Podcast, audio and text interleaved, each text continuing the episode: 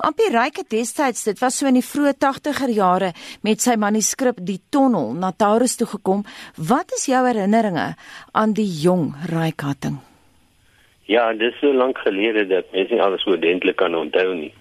Maar ek weet hoe uh hoe ons so ek kom ontmoet het, die agtergrond min of meer. Ehm um, die Taurus was ons uitgewery.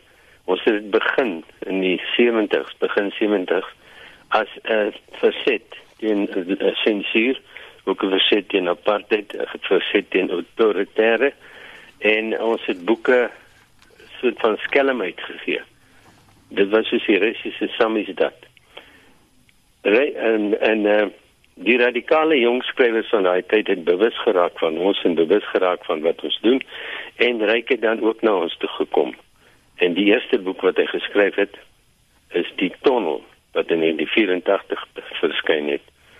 En ehm uh, ja, die tonnel is dan iets wat jy moet deurgaan om aan die ander kant uit te kom om los te kom van eh uh, sensuur en die dinge. Hmm. Nou, Ryk is ook pas bekroon met die Kyknet rapportprys vir Afrikaanse romans, maar hy's veel bekroon soos jy weet, amper as mens dink aan sing jy van blomme wat met nie minder nie as 5 Vitas bekroon is nie. Hoe sou jy as literator sy werk beoordeel?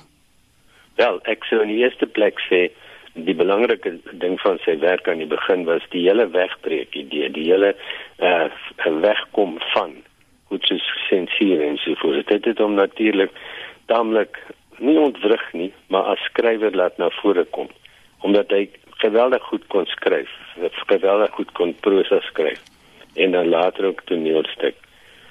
Ehm um, ja, dis omtrent wat ek kan sê van hom. Hy was natuurlik 'n uh, 'n baie moeilike mens om oor die weg te kom hier. Ek moet nou so vaak weg. Ons het eendag by my huis, ek en en skrywersvriende, gesit en eet, toe was daar klop aan die deur. Toe kom hy en toe sê hy, hy wil my net sê hy gaan my donder. Ek weet nou nog nie waar om dit was nie. Het dit toe gebeur? nee, ek is maar bang nou.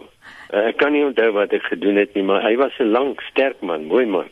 En ek het uh, so verleë om maar ingenooi, maar hy was so kwaad uitgeloop.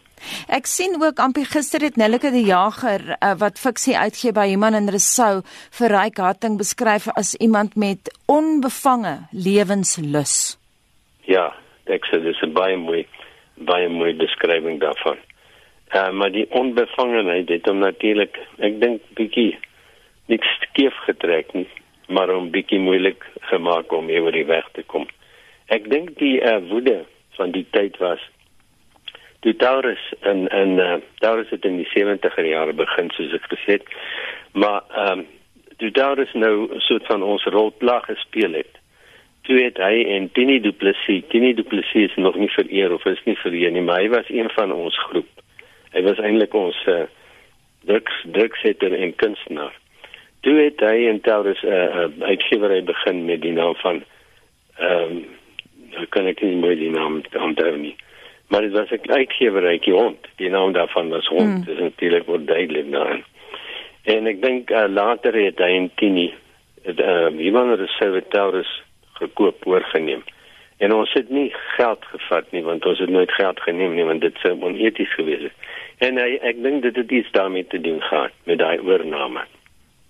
Baie dankie en so sê die literator en Taurus uitgewer Ampi Kutsena het gepraat oor Ryk Hatting wat eergister op 60 aan 'n hartaanval in Nieu-Seeland dood is.